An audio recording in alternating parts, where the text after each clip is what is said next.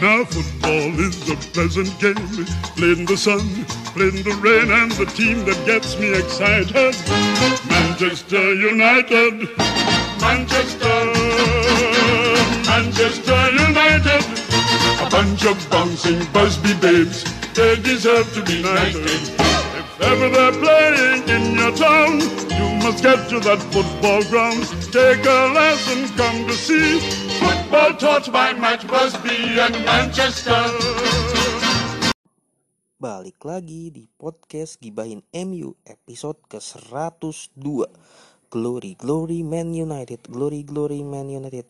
Setelah 4 musim Akhirnya Setelah 4 semifinal gagal Akhirnya Man United untuk pertama kalinya lolos ke final sebuah turnamen kekalahan 3-2 di Olimpico Roma kemarin tidak membuat langkah Man United gagal untuk ke final. Secara agregat Man United masih unggul 8-5. Ini adalah final pertamanya Ole Gunnar Solskjaer sebagai manajer sekaligus menjadi manajer Man United pertama yang juga pemain Man United yang bisa membawa tim lolos ke final. Luar biasa memang. Dan ini juga yang seperti gue bilang tadi setelah 4 tahun akhirnya ke final. Setelah terakhir ke final itu Piala FA 2018 ya kan di final United kalah sama Chelsea 1-0 lewat gol penaltinya Eden Hazard. Setelah itu nggak pernah ke final lagi. Paling banter musim lalu mentok di babak semifinal tuh semifinal League Cup, semifinal UEL dan semifinal FA Cup ya kan. Tahun ini musim ini tepatnya itu sebenarnya sempat masuk semifinal League Cup juga kan. Cuman kalah sama City 2-0 di Old Trafford. Terus di FA Cup mentok di quarter final nggak nyampe semifinal nih. Kalah sama Leicester 3-1 dan akhirnya setelah dua leg lawan Roma dan agregat 8-5 Man United akhirnya ke final lagi dan bagi Man United sendiri adalah final kedua Europa League ya. Setelah terakhir 2017 ya kan waktu masih dilatih sama Jose Mourinho musim perdananya Jose Mourinho yang langsung ngasih trofi League Cup sama Europa League. Di final 2017 itu United menang lawan Ajax ya 2-0 golnya Paul Pogba sama Hendrik Mkhitaryan. Dua-duanya pemain baru gitu saat itu ya. Ya jadi gue happy banget ya ketika tahu akhirnya Ole Gunnar Solskjaer berhasil mengatasi kutukan semifinal. Dia kan selama ini dibilang media, dibilang beberapa fans rival hanya pelatih spesialis semifinal yang cuma bisa mentok di babak semifinal gitu. Tapi alhamdulillah kemarin Man United akhirnya lolos ke final. Dan bakal ketemu Villarreal. Villarreal sendiri di Emirates ya di leg keduanya mereka menahan Arsenal 0. Ini membuat Unai Emery pelatih Villarreal saat ini itu ke final Europa League lagi untuk kelima kalinya kalau gue nggak salah dia tuh sebelumnya udah empat kali ke final UEL tiga kali juara sama Sevilla dan sekali jadi runner up sama Arsenal dan bagi Arsenal sendiri kekalahan ini apa tersingkirnya mereka ya di babak semifinal kemarin semakin membuat mereka sulit buat menembus zona Eropa musim depan. Karena di klasmen sementara Premier League pun Arsenal masih di peringkat 9 atau 10 gue lupa. Dan ini satu-satunya sebenarnya jalan paling mudah bukan paling mudah sih jalan paling terdekat lah untuk mereka bisa lolos ke kompetisi Eropa musim depan lebih tepatnya Liga Champions dengan menjuarai Liga Eropa. Tapi ya itu dia Arsenal tetap Arsenal. Ya lo bayangin aja tim kayak gini mau ikut European Super League mau jadi apa? Cuman mau ngeruk duit doang tujuannya gue tahu. Arsenal ikut duit pasti mau ngeruk duit doang. Kalau mereka jadi bulan-bulanan di ESL mungkin nggak masalah bagi mereka. Itu pendapat gue aja ya gitu. nah kita ke sedikit ke pertandingan Roma lawan Man United. Gue nonton dari awal dan gue udah yakin banget satu kaki Man United udah digedang karena keunggulan 6-2 tetapi gue pikir semuanya akan berjalan mulus setelah Edinson Cavani bikin gol tuh. Di menit 39 atau 40 gue lupa lewat sebuah eh, building serangan balik gitu ya. Dan umpannya Fred ke Cavani itu benar-benar keren sih. Dan gak nyangka Fred bisa umpan kayak gitu. Tapi ini yang gue salut banget sama Edinson Cavani ya. Dia menunjukkan meskipun usia dia udah nggak lagi muda gitu tapi dia tetap menunjukkan kematangan dan ya udah ini gue striker yang berkelas benar-benar berkelas. Lo lihat bagaimana dia bisa ngebaca posisi kipernya Roma dia bisa ngambil tendangan dari posisi di luar kotak penalti seperti itu dan jadi gol gitu. Cavani juga lawan Roma ini juga lagi on fire banget dan, dan beberapa dalam beberapa laga terakhir juga Cavani memang lagi on fire banget. Dan babak pertama satu kosong ya kan. Gue pikir ya udah nih udah unggul agregat berarti 7-2 ya kan udah tenang lah ya 7-2 tapi Roma di babak kedua khususnya di 15 sampai 20 menit pertama itu benar-benar bikin gue deg-degan. Mungkin kalian nonton juga akan sama kayak gue. Itu benar-benar bikin deg-degan banget. Karena mereka berbalik unggul 2-1 dengan menit yang cepat gitu. Prosesnya cepat. Gue lupa ya siapa yang bikin. Gue penyambut itu kok salah Edin Zeko ya. Terus yang kedua gue lupa siapa main Roma. 2-1 bahkan nyaris 4-1 atau 5-1 kalau David De Gea nggak tampil cekatan dan bakal nggak dibantu sama tendangan yang tipis-tipis kena tiang gitu. Itu benar-benar gila. Roma setelah dapat gol pertama dan mereka nggak beberapa menit kemudian dapat gol kedua percaya diri mereka naik banget. Mereka benar-benar apa ya ngebuka kelemahan Man United. Mereka benar-benar lewat umpan-umpannya umpan silang Roma itu dan set piece set piece Roma itu gila banget. Dan ya teman-teman pasti tahu sendiri lah musim ini United benar-benar lemah banget sama bola set piece. Dan itu bisa lihat dari golnya Edin Zeko ya kan? Yang gol pertama Edin Zeko itu benar-benar kelihatan lemah dan peluang-peluang Roma pun lahir dari umpan-umpan silang dan set piece set piece seperti itu. Dan gue sangat bersyukur David De Gea main nih. Dan dia bermain ciamik gitu. Dan ini dia Orang banyak yang bertanya, sebagian fans United juga bertanya kenapa Ole Gunnar Solskjaer tetap menurunkan skuad utama saat leg kedua padahal agregatnya udah unggul jauh ya 6-2 4 gol gitu. Belajar ya, belajar dari AS Roma yang pernah ngebalikin Barcelona di musim 2017-2018 ya.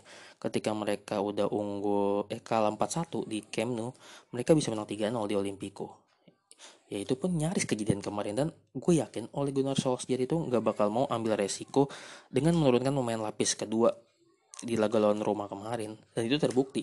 Setelah Wan Bisaka dan Luke Shaw ditarik keluar lo bisa lihat sendiri gimana AS Roma mengeksploitasi apa fullback fullbacknya Man United ya. Brandon Williams sama Alex Telles tuh. Lo lihat itu.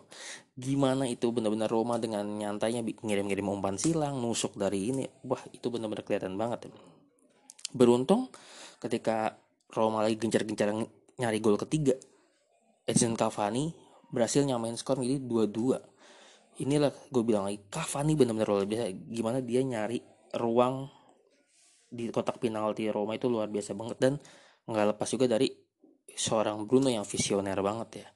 Dia bisa ngelihat Cavani bakal lari ke mana gitu. Dan umpannya benar-benar pas banget ke kepalanya Edison Cavani 2-2 gue cukup tenang ya meskipun ya masih ada potensi Roma bisa mengejar itu dua-dua masih menit 60-an lah kalau gua nggak salah ya kan? Dan masih ada 30 menit lagi.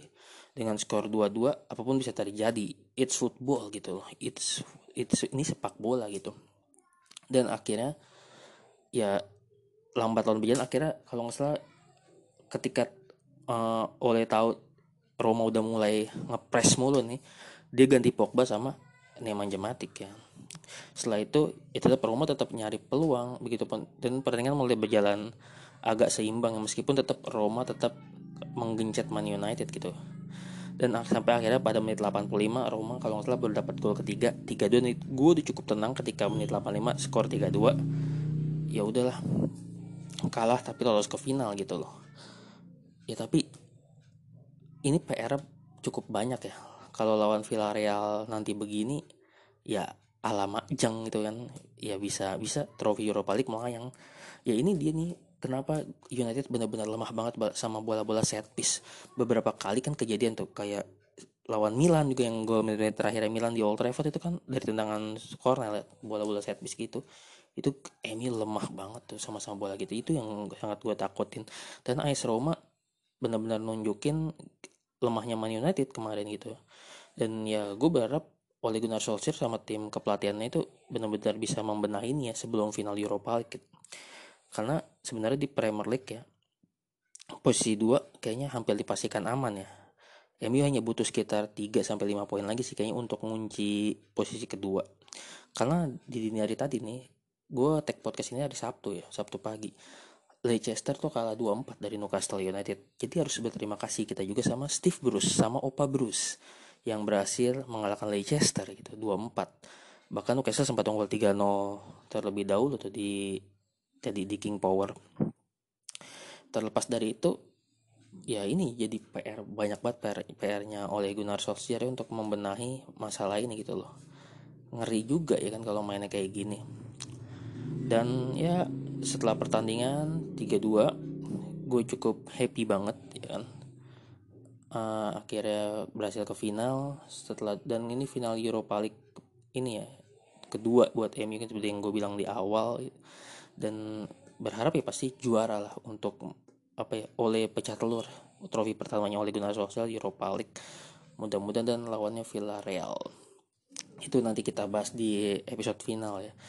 Dan ya gitu sih yang bisa gue bahas di episode kali ini soal laga kemarin gitu ya yang gue sorotin ya itu dia lini pertahanan Man United. Set piece-nya benar-benar lemah banget dalam mengantisipasi bola-bola set piece gitu. Dan next match ya kan? United bakal ketemu Aston Villa di Premier League. Ini menjadi apa ya bakal menjadi jadwal yang sangat padat. Dalam seminggu ke depan MU bakal main empat pertandingan kalau gue nggak salah. Itu lawan Aston Villa lawan Leicester terus lawan Liverpool. Lawan Liverpool kan laga tunda ya harusnya mainnya minggu kemarin. Terus lawan, lawan apa lagi hari minggu? Gue lupa. Jadi oleh ini sebenarnya sempat ngeluh kemarin. Katanya iya ini benar-benar gila gitu. Ya sebenarnya nggak bakal gila juga kalau seandainya nggak ketunda lawan Liverpool kemarin gitu kan. Cuman ya ini konsekuensi yang harus diambil dari momen kemarin kejadian di Old Trafford pekan kemarin itu gitu. Dan ini memang harus pinter-pinternya oleh Gunnar Solskjaer merotasi skuadnya gitu. Ya minimal jangan sampai ada yang cedera lah. Ya kemungkinannya MU kehilangan poin di Premier League sangat besar ya kalau melihat jadwal main mereka yang dua hari sekali nanti nih dalam seminggu ke depan ini setelah lawan Aston Villa hari Minggu. Ya jadi kita lihat aja sih mudah-mudahan oleh Gunnar Solskjaer bisa lah dan pemain-pemain tetap sehat dan bugar ya. Itu yang gue harapin. Karena final pun tanggal 26 Mei ya kalau gue nggak salah. Jadi kan akhir bulan dan berharap pemain nggak ada yang kenapa-napa nggak ada yang cedera. Ya mudah-mudahan pemain-pemain muda juga pemain dari akademi bisa bermain di Premier League. Mudah-mudahan ya gue juga nggak ngerti sistemnya apakah bisa pemain muda naik ya karena Liverpool seingat gue waktu tahun kemarin ya pas mereka main di Piala Dunia antara klub itu mereka nurunin lapis kedua kan kalau nggak salah pas di League Cup ya. Mereka nurunin pemain usia muda Liverpool U23 atau Liverpool U berapa gitu pokoknya. Ya kalau memang oleh sangat riskan untuk merotasi ya karena kan jadwal padat banget ya mau nggak mau ambil konsekuensi seperti itu menggabungkan pemain-pemain senior dan pemain-pemain junior pemain akademi gitu. Dan bisa juga pemain-pemain yang jarang main seperti Juan Mata juga berpeluang main gitu nih minggu-minggu ini gitu. Mungkin Dean Henderson sama De Gea bisa saling bergantian gitu. Atau mungkin Lee Grant bisa main. Ya gue nggak tahu gitu loh. Yaudah teman-teman tuh inilah yang episode yang bisa gue bahas kali ini di akhir pekan di episode 102 singkat-singkat aja dan kita menikmati kekalahan. Ini dia yang gue suka banget. Gimana kita kalah tapi kita lolos ke final kita seneng lah pokoknya. Kalah tapi seneng gitu. Kalah tapi lolos ke final gitu. Jadi inilah yang dinamakan definisi menikmati kekalahan. Yaudah teman-teman gitu aja. Terima kasih banyak yang udah mendengarkan podcast Gibanemi episode 102 ini. Sampai ketemu lagi di episode-episode berikutnya. Pokoknya tetap glory-glory Man United